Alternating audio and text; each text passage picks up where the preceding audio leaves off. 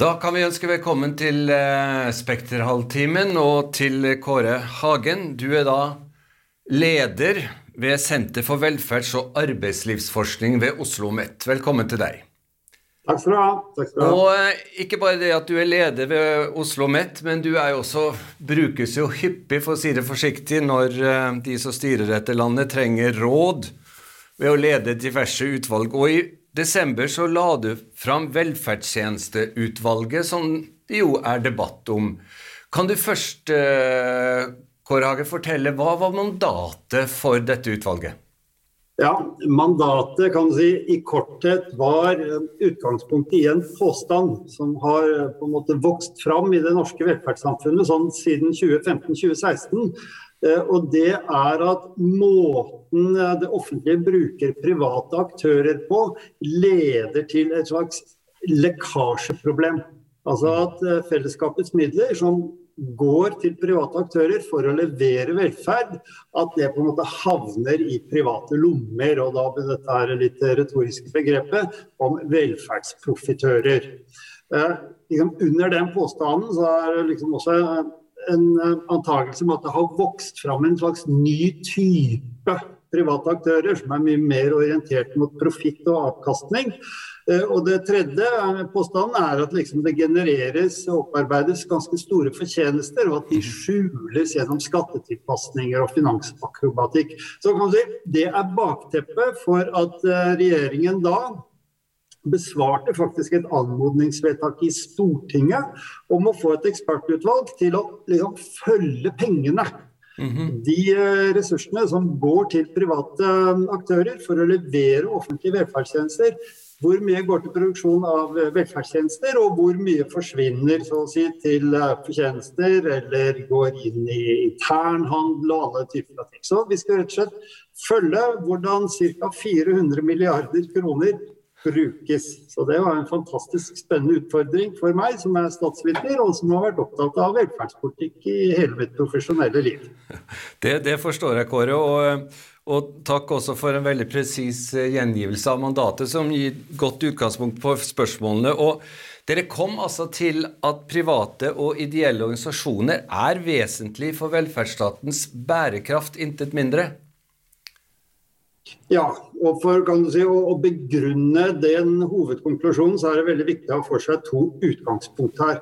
Det første utgangspunktet er altså i den norske velferdsmodellen, hvor det er en brei enighet om at folk, befolkningen, skal ha sosiale rettigheter til en lang rekke velferdstjenester. Skole, helse, omsorg, barnevern, arbeidsmarkedstiltak osv. Og, så og at det offentlige har en plikt til å levere de tjenestene. Det er liksom det ene utgangspunktet. Det andre utgangspunktet er at hvis vi titter inn i glasskula, så bare i nær framtid så kommer behovene for særlig omsorg, helse- og omsorgstjenester til å vokse enormt pga. befolkningsendringen. Og vi må måtte bruke mye ressurser på å levere på de offentlige løftene overfor befolkningen. Det er liksom de to utgangspunktene. Så kan vi si at det norske velferdssamfunnet må levere flere tjenester til mere. Ok, da er det to hovedmodeller for å gjøre det. Det ene er at det offentlige kan levere dette sjøl. Det er såkalt mm. offentlig egenregi. Og Ca. 80% av tjenestene som eh, det offentlige leverer til befolkningen, kommer gjennom offentlig egenregi. Offentlig ansatte, hovedsakelig når det gjelder velferdstjenestene i kommunene, men også gjennom statlige foretak, f.eks. For spesialisthelsetjenesten osv. Ok, vi kunne fortsette med en offentlig egenregi. Ja, den andre måten å gjøre det på, og det er jo egentlig å fortsette den utviklingen som på en måte kjennetegner norske velferdstjenestene. Og det er å benytte private aktører, både de som har sitt utspring i ideelle formål, såkalt tredje sektor, sivilsamfunn, og på en måte aktører som har sitt utgangspunkt i en mer tradisjonell markedsorganisering og organisering inn mot fortjeneste. Det korte svaret på spørsmålet ditt er at vi mener at det norske samfunnet, den norske befolkningen og norske skattebetalere får mer velferd for pengene dersom vi kombinerer offentlig egenregi med en betydelig privat tilstedeværelse. Det er det Spekter tidligere har kalt for velferdsmiks, og som vi på en måte med statsvitenskapens stammespråk kaller for et velferdspluralistisk system. Så kan vi det, det litt ja. lengre svaret. Jeg vet ikke om du vil ha det? Eh, det? Det, kan du fortsette med, for jeg vil bare følge deg opp. Eh, velferdsmiks og Spekter nevnte du. og jeg vil ta fatt i et annet begrep som også har kommet, som jo er, er langt mer negativt. og Det er jo at eh, vi hører i det politiske ordskiftet flere som bruker ordet profitører for private krefter. Dette, dette skjønner jeg at dere avviser, er det riktig?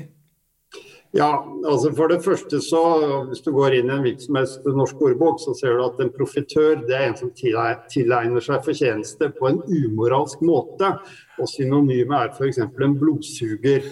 Vi mener at det begrepet der det er helt feilaktig når det gjelder å framstille både hva slags aktører som på en måte går under vignetten private velferdsleverandører, og det er også en fortegnelse av den motivasjonen som vi mener karakteriserer privates ønske om å levere tjenester for, for, det offentlige. Så dette er på en måte en politisk ideologisk konstruksjon som vi mener ikke bidrar til en opplyst demokratisk debatt om hvordan vi kan skape bedre velferdstjenester for befolkningen framover. Mm.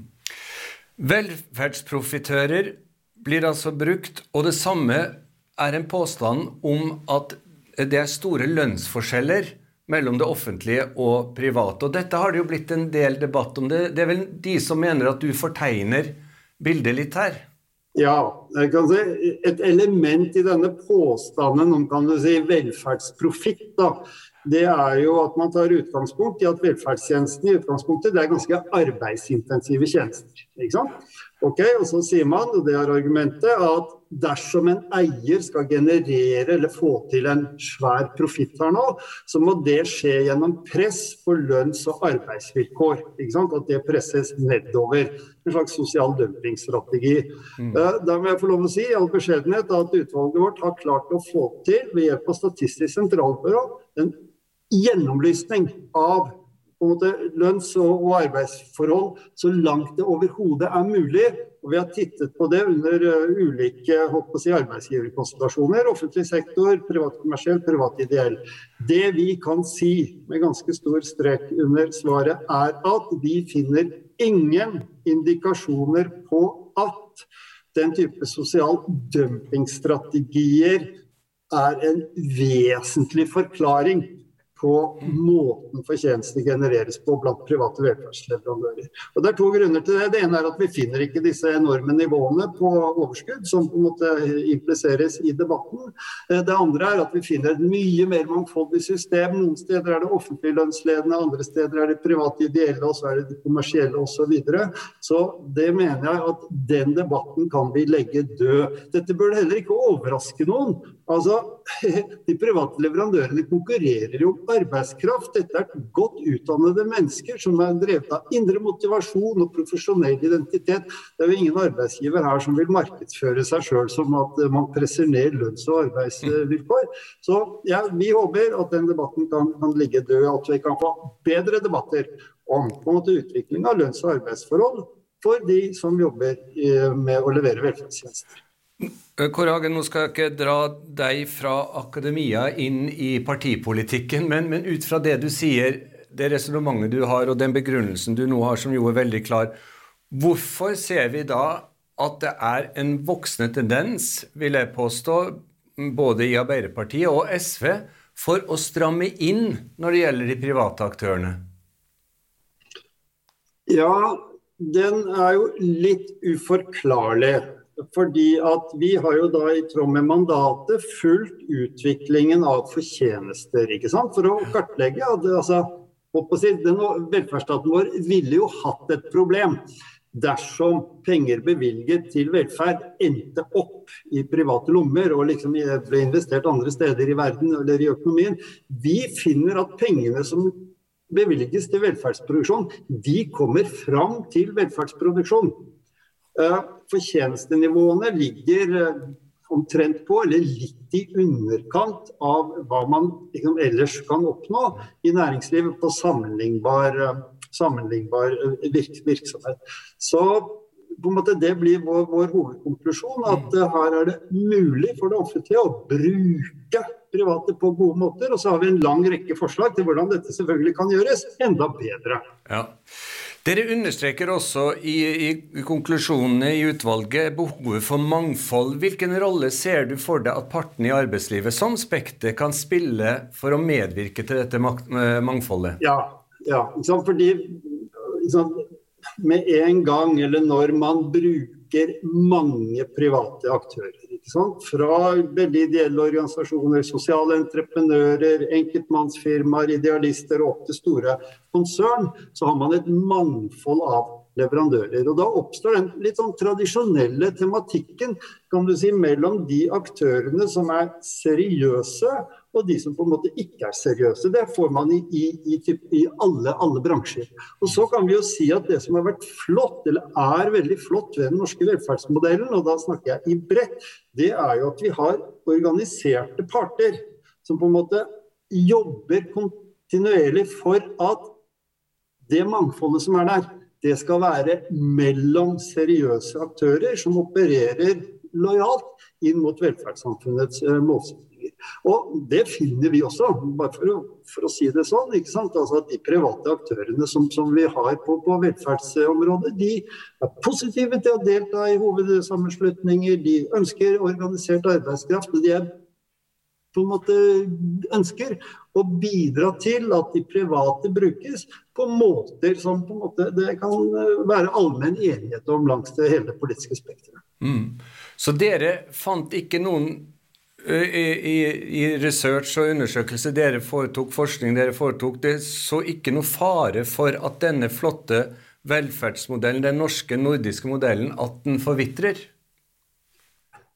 Nei, det finner vi ikke. Altså, det er klart, altså, dersom vi hadde Men det er en litt sånn passiv konklusjon, det skal jeg innrømme. Altså, vi fikk enestående hjelp fra, fra skattemyndighetene til å gjennomanalysere på en måte de private aktørenes økonomi og internhandel og alle de tingene der.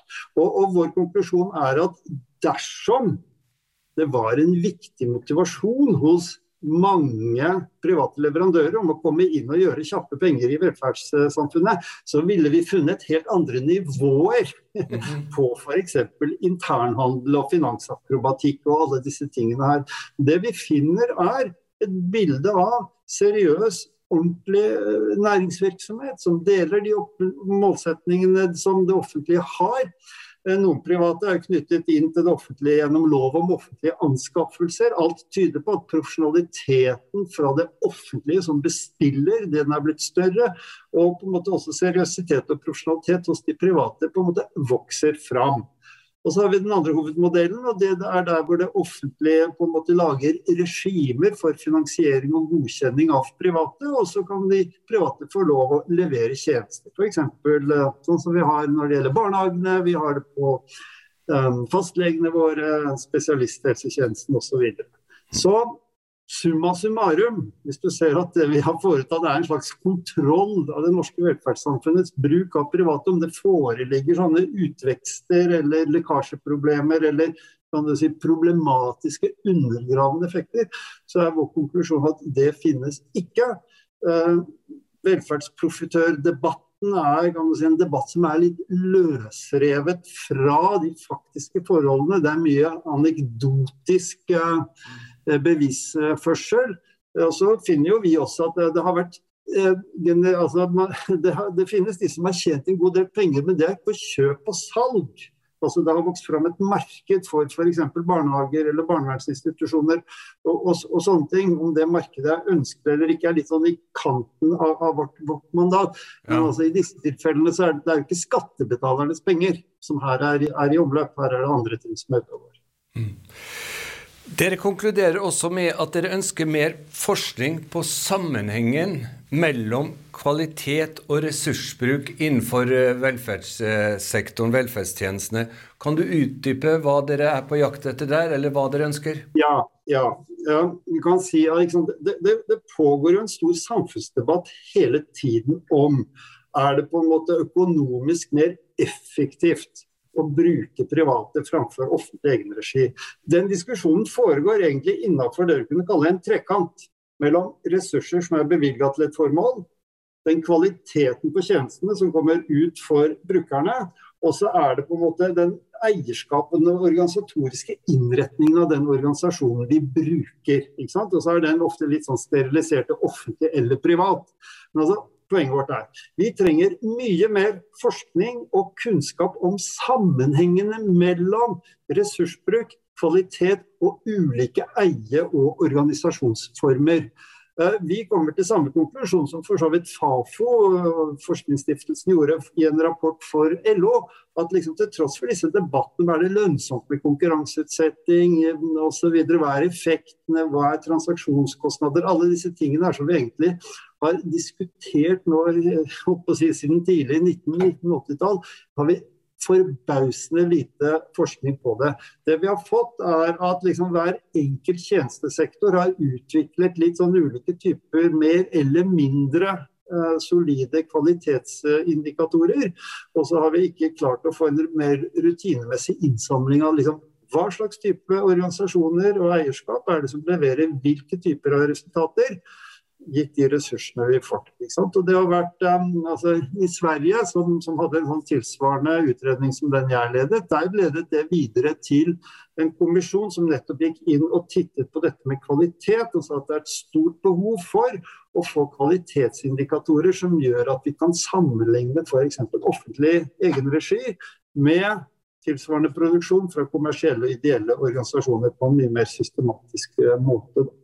Så Det er på en måte et ja. kunnskapsspørsmål som vi mener bør besvares ganske fort. ja. ja. Og det, det, betyr da at du er enig i Spekters uh, høringsuttalelse, hvor, hvor Spekter tar til orde for en nedsettelse av en kvalitetskommisjon?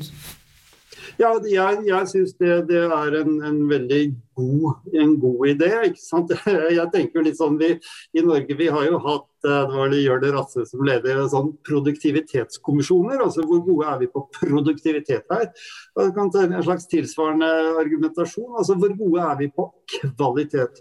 Og Da tenker jo jeg at um, på en måte også de fagfolkene som på en måte leverer tjenestene, de må inviteres mer direkte inn i å utvikle kvalitetsindikatorer. Jeg tror Norge har, har kommet litt sånn skeivt ut. at liksom eh, mange av profesjonene føler at de kanskje ikke har fått være med på å bestemme kvalitetsindikatorer. og Det tror jeg hadde vært en, en god idé. Fordi vi trenger å husholde bedre med ressurser inn i framtida. Og da må profesjonene være med på det. Det tror jeg de vil, hvis de opplever at de blir å si, invitert inn. Da. Så det jeg sa nå var at jeg syns ideen til Spekter er god, men det er litt viktig at måte, de profesjonelle fagfolkene også er med i en sånn uh, kommisjon. Ja, Og du kan tenke deg å lede den? Ja, ja, hvis jeg får spørsmål om det, så vil jeg det. For, for jeg opplever at det er et av liksom de store spørsmåla framover når det gjelder velferdsstatens uh, utvikling. Og det er jo? Kvalitet er bare et annet ord på å treffe behovene til menneskene som skal mm. ha gode, gode, liv, og treffe de behovene på en samfunnsøkonomisk effektiv uh, måte. Eh, Kåre Hagen, eh, la oss gå ti år tilbake i tida, og hvis du i ditt svar også kan eh, gå ti år fremover. For du leda jo Innovasjon i omsorg, et utvalg for ti år siden, så veldig mye på velferdsteknologi og behovet for et nasjonalt program for innovasjon. Hvis du ser hva, hva har skjedd de siste ti åra, har, har, vi gått i riktig retning? Eh, og hvis du ser ti år fremover?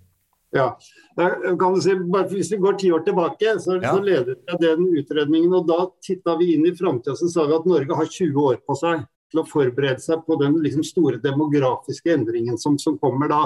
Så det du spør om nå er liksom en sånn statusrapport halvveis eh, i, i, i, den retningen. Så vil jo jeg si at jo, eh, i all beskjedenhet så syns jeg nok at eh, den satte en agenda den utredningen, fordi den sa at i møte med framtidas behov, så er det ikke nok bare kan du si, å raffinere og generalisere beste faglige praksis.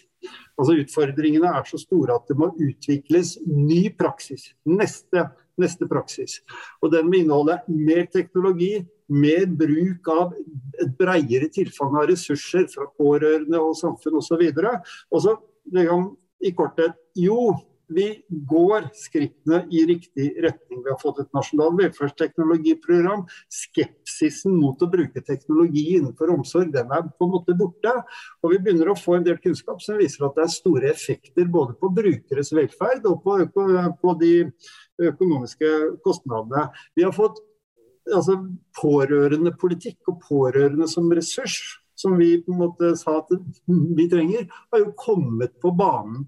Og Det kom ansatser til pårørendepolitikk, å bruke pårørende på en, på en, bedre måte. Det er kjempeviktig. Vi har fått utvikling innenfor tjenesten rundt dette med på en måte hverdagshabilitering osv. Så, videre. så på en måte, jeg mener skrittene går i riktig retning, men det går for, det for seint. Ja. Altså, i, i, den forstand så kunne vi hatt en, en, ny kommisjon som tittet på altså, hva er mekanismene som egentlig forsinker en utvikling som alle ønsker. Nettopp. Og det er ikke bare penger. Altså, det, er ikke, det, er ikke, det, er ikke, bare mangel på penger, det er også noe med liksom, det organisatoriske innovasjonssystemet som kan bli bedre. Og åpenbart et behov for å se nærmere. Absolutt. Absolutt. Kåre Hagen, det har vært veldig interessant å snakke med deg og lytte til deg. Tusen takk for at du deltok i Spekterhalvtimen. Ja, tusen takk for at jeg fikk lov å komme.